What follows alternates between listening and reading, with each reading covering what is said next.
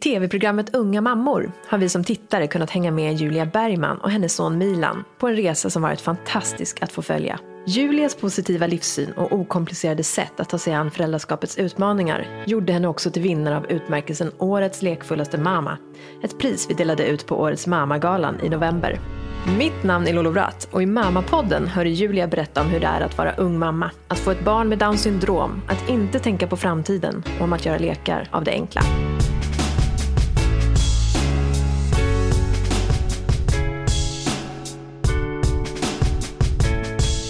I sommarlovet till eh, trean på gymnasiet så eh, var jag på eh, semester tillsammans med min eh, dåvarande pojkvän Björn.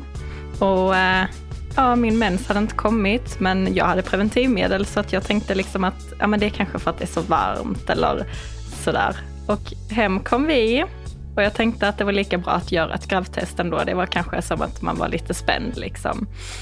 Men sen när man gjorde det här gravtestet så var man ju jättenervös. Man hade så många olika känslor. Man var rädd, men man var lite nyfiken och man var, ja, men det var så många känslor. Så att jag eh, gick ut från toaletten innan jag ens hade fått svaret och Björn var tvungen att gå in för att kolla på stickan. Ut kommer han med gravtestet i handen och säger att det är två streck. Det var ju helt galet. Jag eh, hamnade liksom i en liten bubbla då. Och det första jag gjorde var att ringa min mamma. Jag pratade liksom inte med Björn eller eh, tänkte på något annat, utan jag var tvungen att prata med mamma gråtandes och hon frågade vad som hade hänt, om vi hade gjort slut eller om vi hade bråkat. Och jag bara, nej, kan du bara komma och hämta mig? Och sen kom hon och hämtade mig och eh, så berättade jag för henne som det var liksom. Och hon lugnade mig ganska fort genom att bara, ja men Julia vi löser det här, vad du än bestämmer dig för så fixar vi detta. Och jag tänkte lite på Björn som jag hade lämnat kvar där sittandes i lägenheten. Liksom. Tänk vad många tankar han måste ha haft. Men jag hade ju i alla fall mamma att prata med. Och det var väldigt skönt för att man kände att man hade hennes stöttning från allra första början, vad jag än bestämde mig för att göra. Och då började man prata om vad som skulle hända och hur jag skulle göra. Och, och man försökte hitta lösningar på allting. Och, och till sist var jag ju tvungen att prata med Björn, såklart. Och eh, då tog vi faktiskt ett väldigt klokt beslut att vi eh, gick och pratade med en psykolog om vad som hade hänt och hur vi kände inför det och satte upp lite så här eh, fördelar, nackdelar och lite hur vi kände och så. Och efter det här besöket så kommer jag ihåg att Björn sa till mig bara, vad som än händer och hur den blir så tar jag er under mina vingar. Liksom att han skulle alltid finnas där. Och eh, då kändes det självklart att jag skulle behålla honom. För att jag visste att vi skulle fixa det.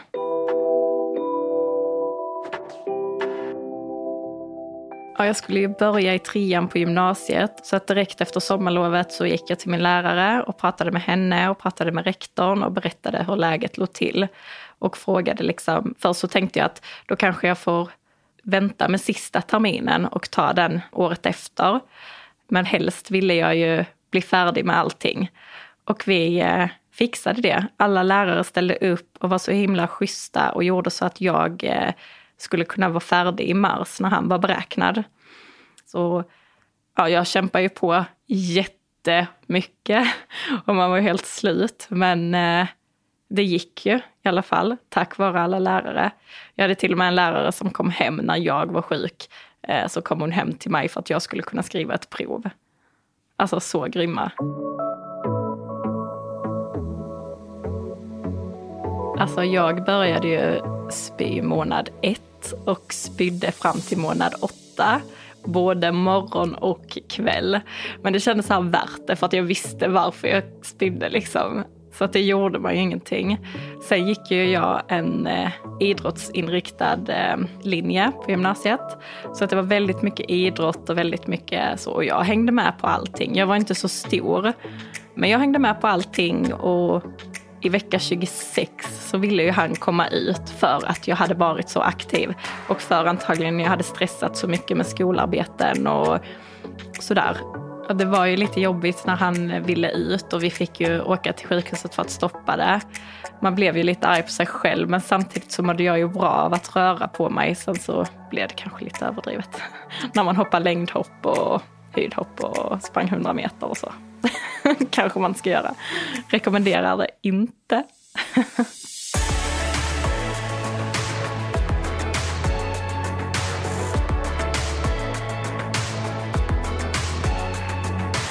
Nästan direkt när vi fick reda på att jag var gravid så eh, flyttade jag in hos Björn som hade en lägenhet i Kristianstad.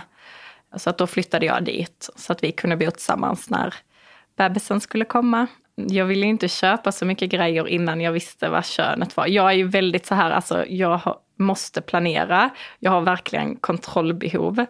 Så självklart skulle jag veta om det var en pojke eller flicka. Och rutinultraljudet var ju så, alltså man längtade ju verkligen efter det. Man fick ju datum redan första gången man var hos barnmorskan. Så att man gick verkligen och längtade efter detta datumet. Och eh, Björn han följde självklart med. Och vi var överens om att vi ville veta könet. Liksom. Och eh, när vi såg honom där inne så var det ju, och fick höra hans hjärta, så blev man ju, alltså jag, jag grät ju jättemycket. Och det var ju lite gravidhormoner också såklart. Men det var så himla fint. Man visste att han låg där inne. Och då hade inte jag känt honom än. Han började sparka ganska så sent. Men att se honom röra sig där inne då betydde så mycket. Och när vi fick reda på att det var en pojke så handlade jag ju sönder till hela, till hela barnrummet. Och allting var i blått och grönt och grått. Och ett riktigt pojkrum och allting stod liksom redo typ i ja, men när jag var kanske i vecka 29 eller något sånt där. Så då var det bara han som saknades i rummet. Liksom. Det var så himla mysigt kommer jag ihåg för att man gick alltid in där på kvällen och tände den där lilla lampan och man bara stod där och längtade. Liksom.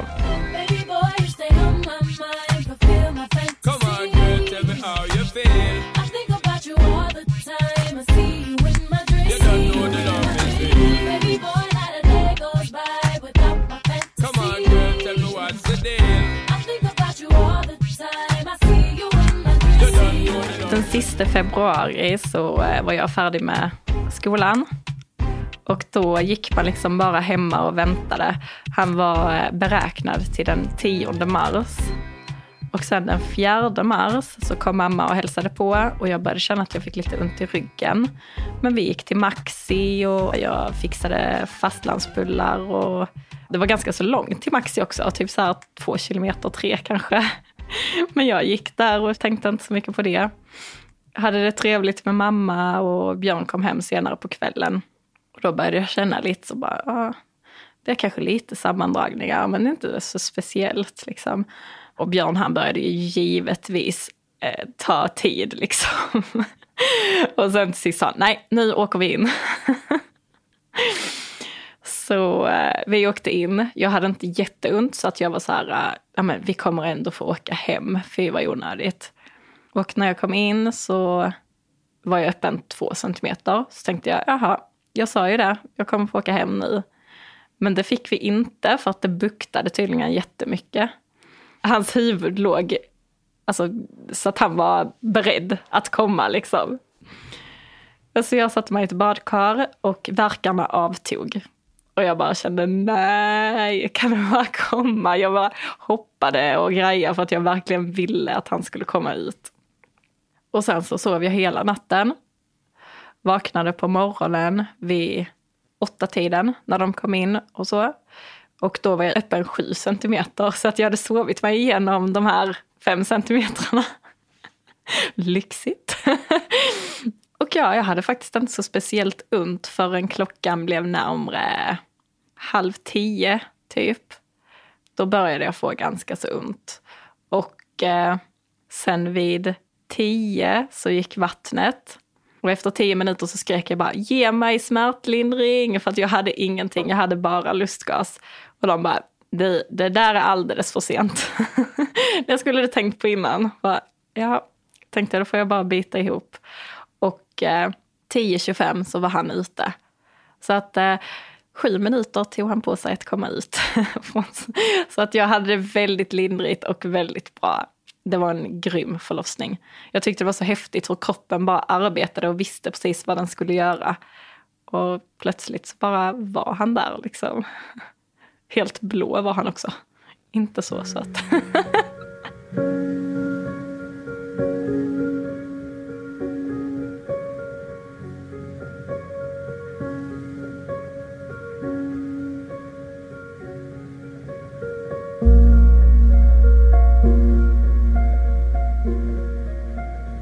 När de lyfte upp honom på bröstet så kände jag en känsla av att det var någonting som inte stämde. Jag kunde inte sätta fingret på vad för att jag visste ju inte hur det skulle kännas att föda barn. Men eh, det var inte som jag hade förväntat mig. Liksom. Och när jag sen tog upp honom och tittade på honom så slog det mig en tanke, liksom bara, ja, men det ser ju ut som att han har Downs syndrom. Men jag sa ingenting, utan barnmorskorna gratulerade oss och vi gosade med honom och sådär. Och sen när barnmorskorna gick ut och jag skulle lämna över honom till Björn, så sa jag, titta Björn, det ser ut som att han har Downs syndrom. Och Björn sa, nej, han är säkert bara lite ihoptryckt. Alltså, det blir man väl om man kommer ut därifrån liksom. Ehm, men, eh, och då tänkte jag inte mer på det för att ja, ingen sa någonting och ja, jag tänkte att nu får vi bara njuta liksom. Och vi fick våra mackor och svenska flaggan och vi hade det ganska så mysigt på förlossningen. Sen kom vi upp på BB, jättebra personal, alla kom och gratulerade och bara lät oss vara med honom. Och det idag tror jag är väldigt bra. Att vi fick vara tillsammans med honom och bounda vi fick sova natten med honom. Nej, men bara känna oss som nyblivna föräldrar och folk gratulerade oss och det kändes så himla härligt. För att ungefär ett dygn efter gå på den här äh, läkarkontrollen som alla gör innan man får åka hem. Och då sa läkaren till oss, alltså han tog upp Milan och gullade med honom på något konstigt sätt och jag tyckte det var så himla fint och han gratulerade extra mycket. Och sen så sa han liksom äh, ja, men jag önskar att jag kunde säga att allting var 100 procent. Och då slog det ner mig liksom bara, men han har ju downs, det är det jag har sagt hela tiden, eller det är det jag har tänkt hela tiden. Och då frågade han oss om vi visste vad Downs syndrom var. Och sen kommer jag inte ihåg så mycket därifrån. Um, för att man hamnade liksom i en bubbla. Men jag hörde att han sa liksom att han var bara 50% säker och han hade haft fel förr. Så att man gick ändå där i ovisshet och det var nog ovissheten som var det värsta. Sen gick vi ut från rummet med Milan i våra armar och fortfarande i den här bubblan. Hörde ingenting, såg ingenting. Sen bara gick vi till rummet och jag kommer ihåg att barnmorskan som stod där eh, och höll upp dörren sa liksom bara det finns en anledning till varför man kallar dem för solskensbarn. Och det har jag burit med mig under hela Milans tid. För att det var så himla fint sagt och det finns verkligen en anledning till varför man kallar dem för solskensbarn. Sen så var vi på rummet, men vi pratade liksom inte så mycket och vi stängde av våra telefoner ganska så fort. Jag ringde såklart till mamma och berättade som det var och hon kom ju direkt.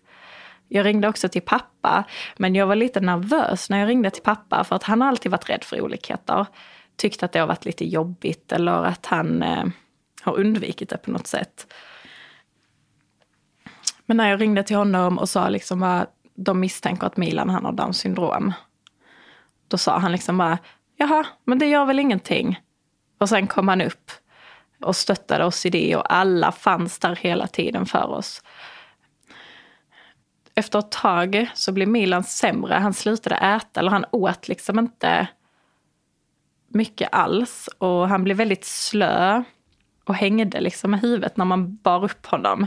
Min mamma säger nu i efterhand att hon till och med hade åkt hem och liksom funderat på vad hon skulle säga om han inte skulle finnas med oss längre. Men det förstod ju inte vi just då.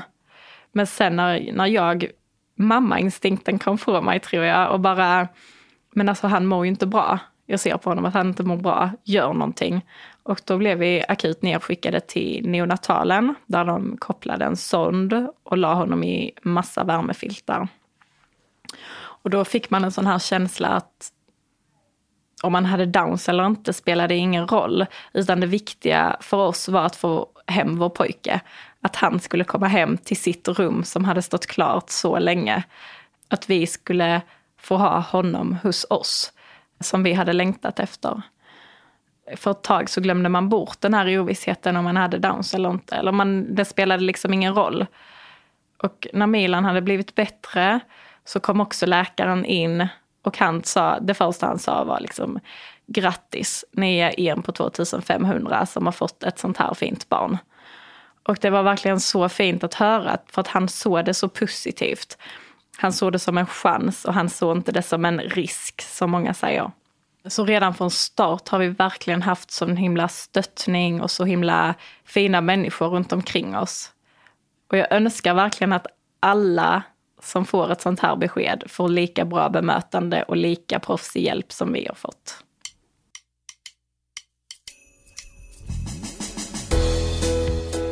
Ska jag vara ärlig så var det väldigt skönt att få beskedet. För att ovissheten var det som var det värsta. Det var nästan det som tog koll på en. För att det var skönt att nu fick vi beskedet och då var det bara att eh, köra på plan B istället och hitta en ny vardag. Liksom. Samtidigt så får jag ju erkänna att man ändå kände en avundsjuka. Man kände en avundsjuka på alla andra som fick det som vanligt eller som där det bara rullade på liksom.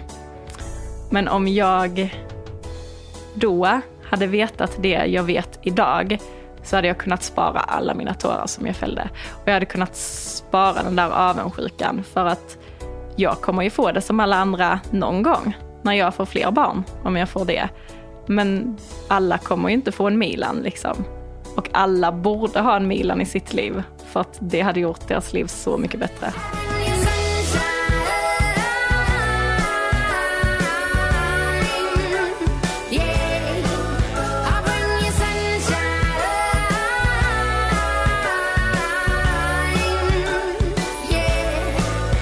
Milan är idag tre och ett halvt år. Och eh, världens gladaste kille. Vad har du på huvudet? Lilla Maja. Är du lilla Maja? Åh, så Han har ändrat mig så mycket och han har gjort mig och människorna runt omkring oss till bättre människor och visat mig att allting går om man vill. Mamma och Mila. Mamma, Mila. Mamma och Mila. Mamma, Mila. Och så här, han har visat mig att man ska uppskatta det lilla i livet. Att det är det som är det viktiga, det är det som spelar roll. Han är bara så himla charmig och alla som träffar honom tycker att han är så himla fin och han är så glad och ska hälsa på alla. Och... Men det räcker ju så här att man går in i en folksamling och Milan han drar ju till sig uppmärksamheten direkt. Han älskar att stå i centrum och han är en riktig clown. Och då kan han liksom skrika, ja, till exempel på sjukhuset, bara hej, hej, hej, hej, hej. Och alla tittar på honom och han älskar det. Och man ser hur alla verkligen lyser upp när de ser honom och vill prata med honom. Älskar dig! Inte dig. Puss älskling! I love you! Älskar dig!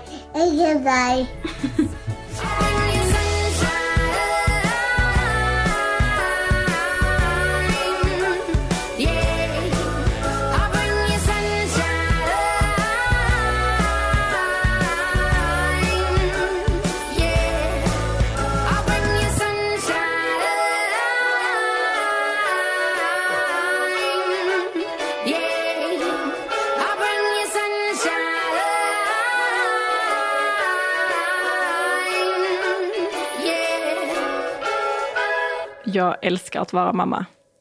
Jag ska säga att innan jag blev gravid så kunde jag inte riktigt hitta min plats. Vem jag ville vara och varför jag ville vara den här personen. När jag blev gravid så kände jag att jag trivdes. För en gångs skull så kände jag att jag kunde slå mig till ro, att jag trivdes med att vara gravid. Och redan när han föddes så kände jag att detta är det som jag ska leva för. Jag ska vara en mamma. För att detta är det bästa livet jag kan tänka mig. Det är det bästa livet för mig, att få vara en mamma och se honom utvecklas. Och finnas där för honom. Så att det är jättehäftigt att vara en mamma. Så himla kul.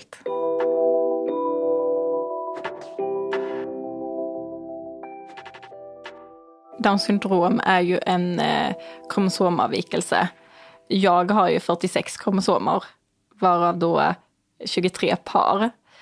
Milan han har 47 kromosomer, så en extra kromosom att älska.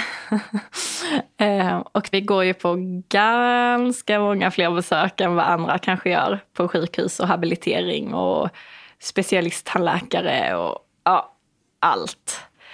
Men samtidigt så gör det inte mig någonting för att jag vet att de gör det för hans skull. Och för att man ska veta att han är frisk och mår bra liksom. Sen ibland kan det såklart bli lite för mycket. Men jag skulle nog säga att den största skillnaden just nu är nog att han inte går. Han är ändå tre och ett halvt, fyller fyra i mars. Och han går inte riktigt ännu. Så att det är ju mycket mer träning och tid man får lägga på sådana grejer. Gurka. Muta. Gurka. Muta. Vem är mammas kille då?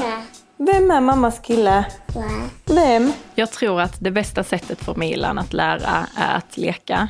Han älskar att leka och jag älskar att leka med honom för att jag ser hur mycket det betyder för honom och ja, hur mycket han lär sig av vår lek.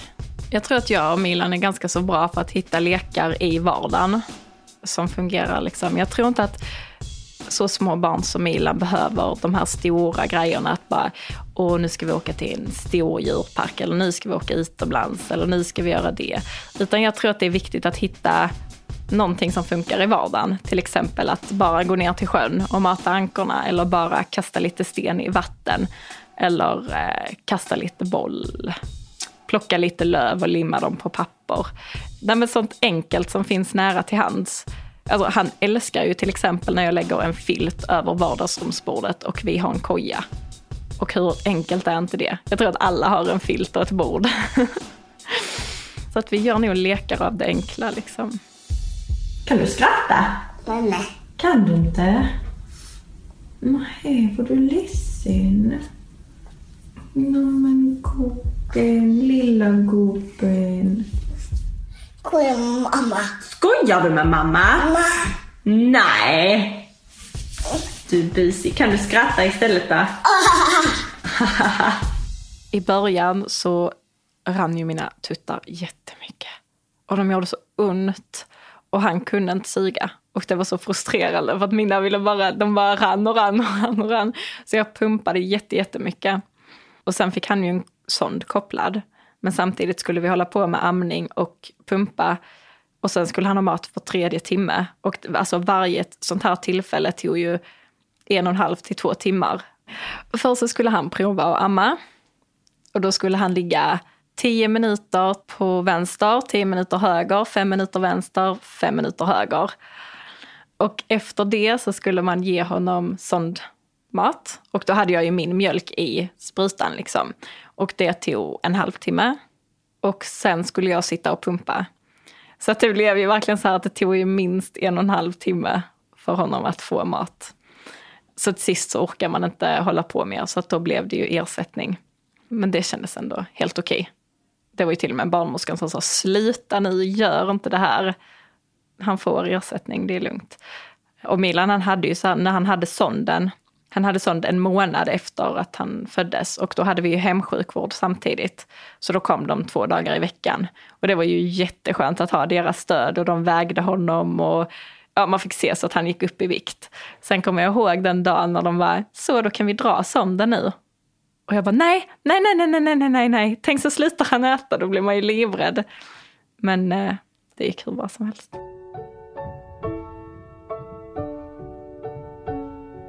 Det är svårt att säga det här om fördomar för att jag tror att man tar det så himla olika liksom.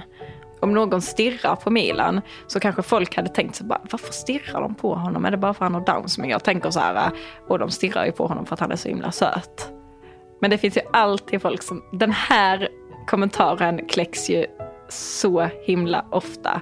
Liksom bara, ja men alltså han, han ser inte ut att ha så mycket downs. Ja fast antingen så har man ju downs syndrom eller så har man det inte. Och sen är det också en sån här bara, men han är ju så söt. Bara, ja, varför skulle han inte vara söt? Så det är så här äh, konstigt liksom. Men jag, ja, jag har nog ganska så bra svar på tal. Och jag ser det så positivt också. Jag tror att man mår bättre, jag mår bättre av att tänka positivt och se det positivt istället för att se det som något hinder eller problem.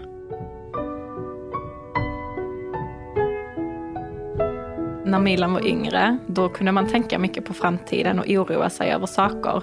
Men under de här tre och ett halvt åren så har man ju själv också vuxit. Och nu oroar jag mig faktiskt inte alls för framtiden längre. Jag struntar i att tänka på framtiden helt enkelt, utan låter det komma ja, låter det komma helt enkelt. Milan han var ett och ett halvt år när jag och Björn gjorde slut. Så att eh, jag lever ju ett varannan vecka-liv. Och eh, många liksom säger bara, åh shit vilket nice liv. Bara ena veckan så kan man vara ute och ha kul med sina kompisar och andra veckan så lever man familjelivet. Men alltså jag säger tvärtom. Den veckan jag inte har Milan, då är inte jag hel. Alltså då är jag inte mig själv. Då är det någonting som saknas liksom. Eh, så att ärligt talat, varannan vecka-livet suger. Men man får ju ändå göra det bästa av situationen.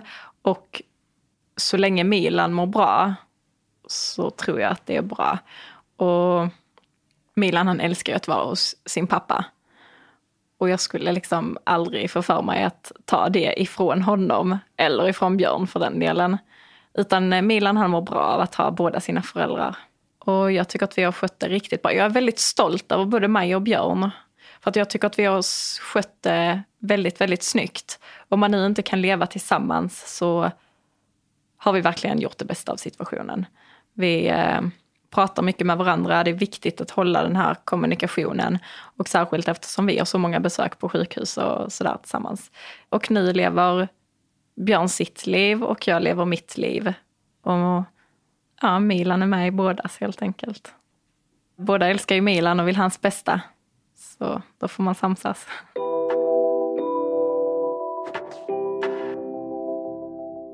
Milan han pratar om allt möjligt. Alltså, men alltså framför allt lampa.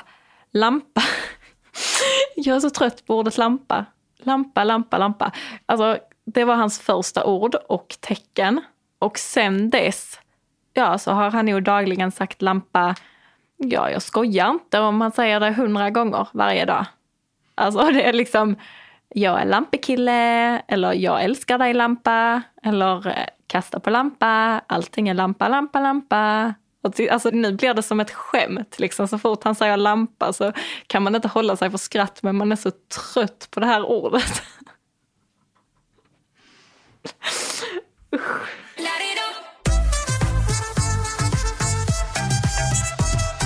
Men många liksom frågade så hur känns det nu att missa liksom alla fester här i eh, sista året gymnasiet och sådär. Och jag kände liksom att jag inte gick miste om någonting. Utan jag hade det så bra att vara gravid och ha honom. Och då, jag kommer ihåg på studentdagen så sa de liksom att detta är bästa dagen i mitt liv. Och jag bara, hm, hm, vänta ni bara. För då hade jag ju redan fått Milan liksom. Men jag var faktiskt med på balen och jag var med på skattjakt, karneval och studentdagen. Milan han var hos sin pappa då, men han lämnade ju mig på balen såklart. men det gick ju inte många sekunder alltså, utan att man tänkte på honom hela tiden. Men samtidigt var det skönt, alltså mamma och alla sa liksom ta studenten, ha kul, festa sönder typ.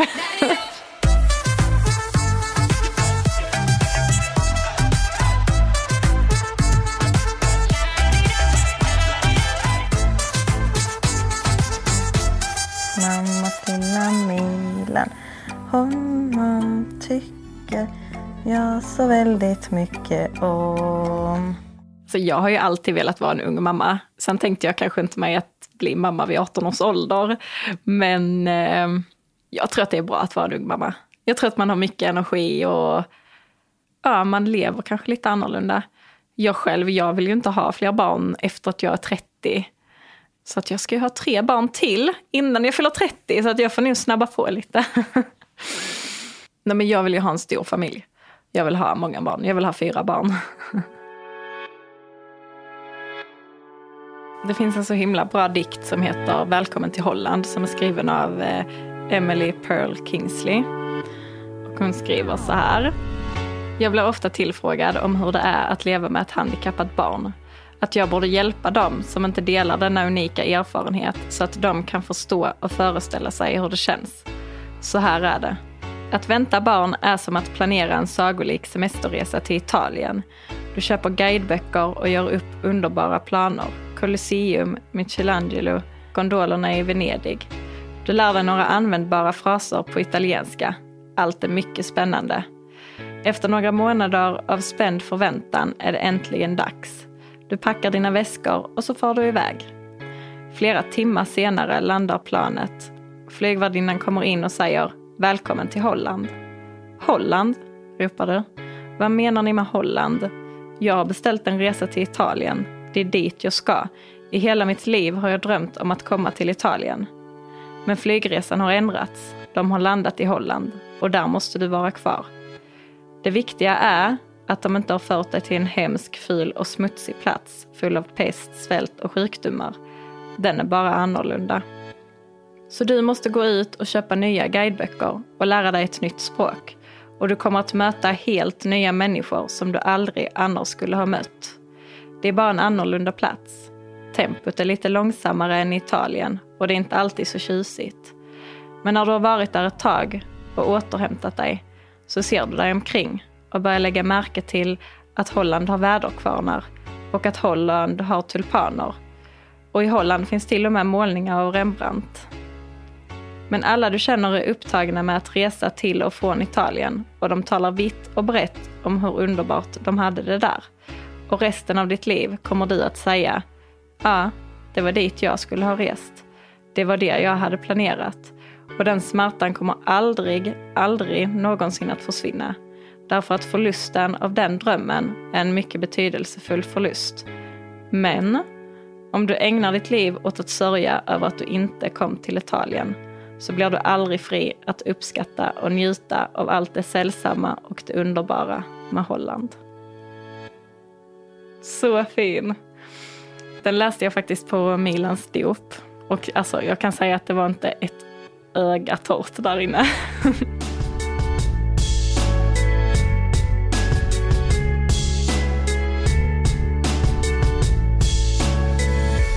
Julia Bergman, tack snälla för att du delar med dig av ditt och Milans liv och för att du verkligen visar att down is up. Om en månad hör du en ny mamma i Mammapodden. Se nu till att du prenumererar på podden så missar du inte det.